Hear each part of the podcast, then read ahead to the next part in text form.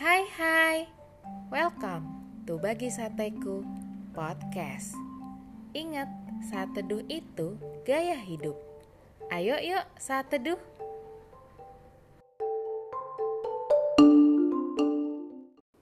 Topik saat teduh kita hari ini adalah Udah nanya Tuhan belum? Ayo kita buka Alkitab kita di Yosua 9 ayat 14 yang berbunyi Lalu orang-orang Israel mengambil bekal orang-orang itu, tetapi tidak meminta keputusan Tuhan. Sahabat sateku, coba deh ingat-ingat sebentar. Ketika kita mengambil keputusan, entah itu keputusan untuk pacaran, untuk masuk ke kantor baru, untuk melangkah ke pernikahan, untuk memulai usaha baru, atau keputusan untuk hal-hal lainnya, sudahkah kita terlebih dahulu bertanya kepada Tuhan? Seringkali kita nggak bertanya Tuhan terlebih dahulu, yang akhirnya jadi terjerat dalam keputusan-keputusan yang kita telah putuskan sendiri.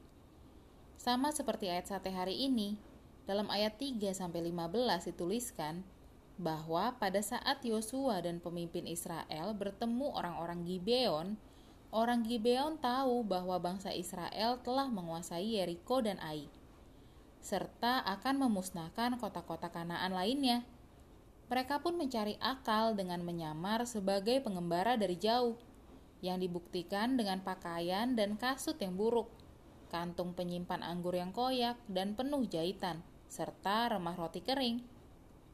Mereka ingin mengikat perjanjian dengan Israel, rela jadi budak asalkan dibiarkan hidup. Karena mereka sudah mendengar perbuatan Allah kepada orang Mesir dan raja-raja Amori. Melihat keadaan mereka, para pemimpin Israel mengikat perjanjian dengan mereka. Pemikiran rasional atas apa yang mereka saksikan membuat mereka tidak bertanya pada Tuhan.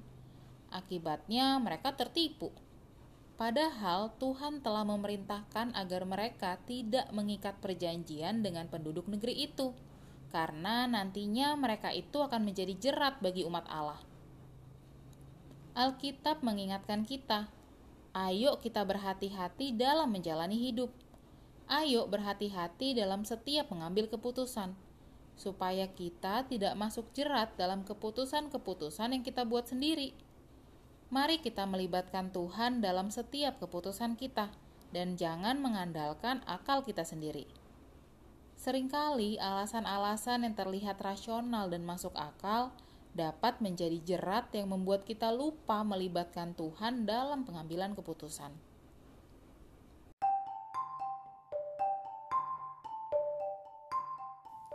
Terima kasih ya sudah saat teduh bersama Bagi Sateku Podcast. Tetap semangat saat teduh setiap harinya.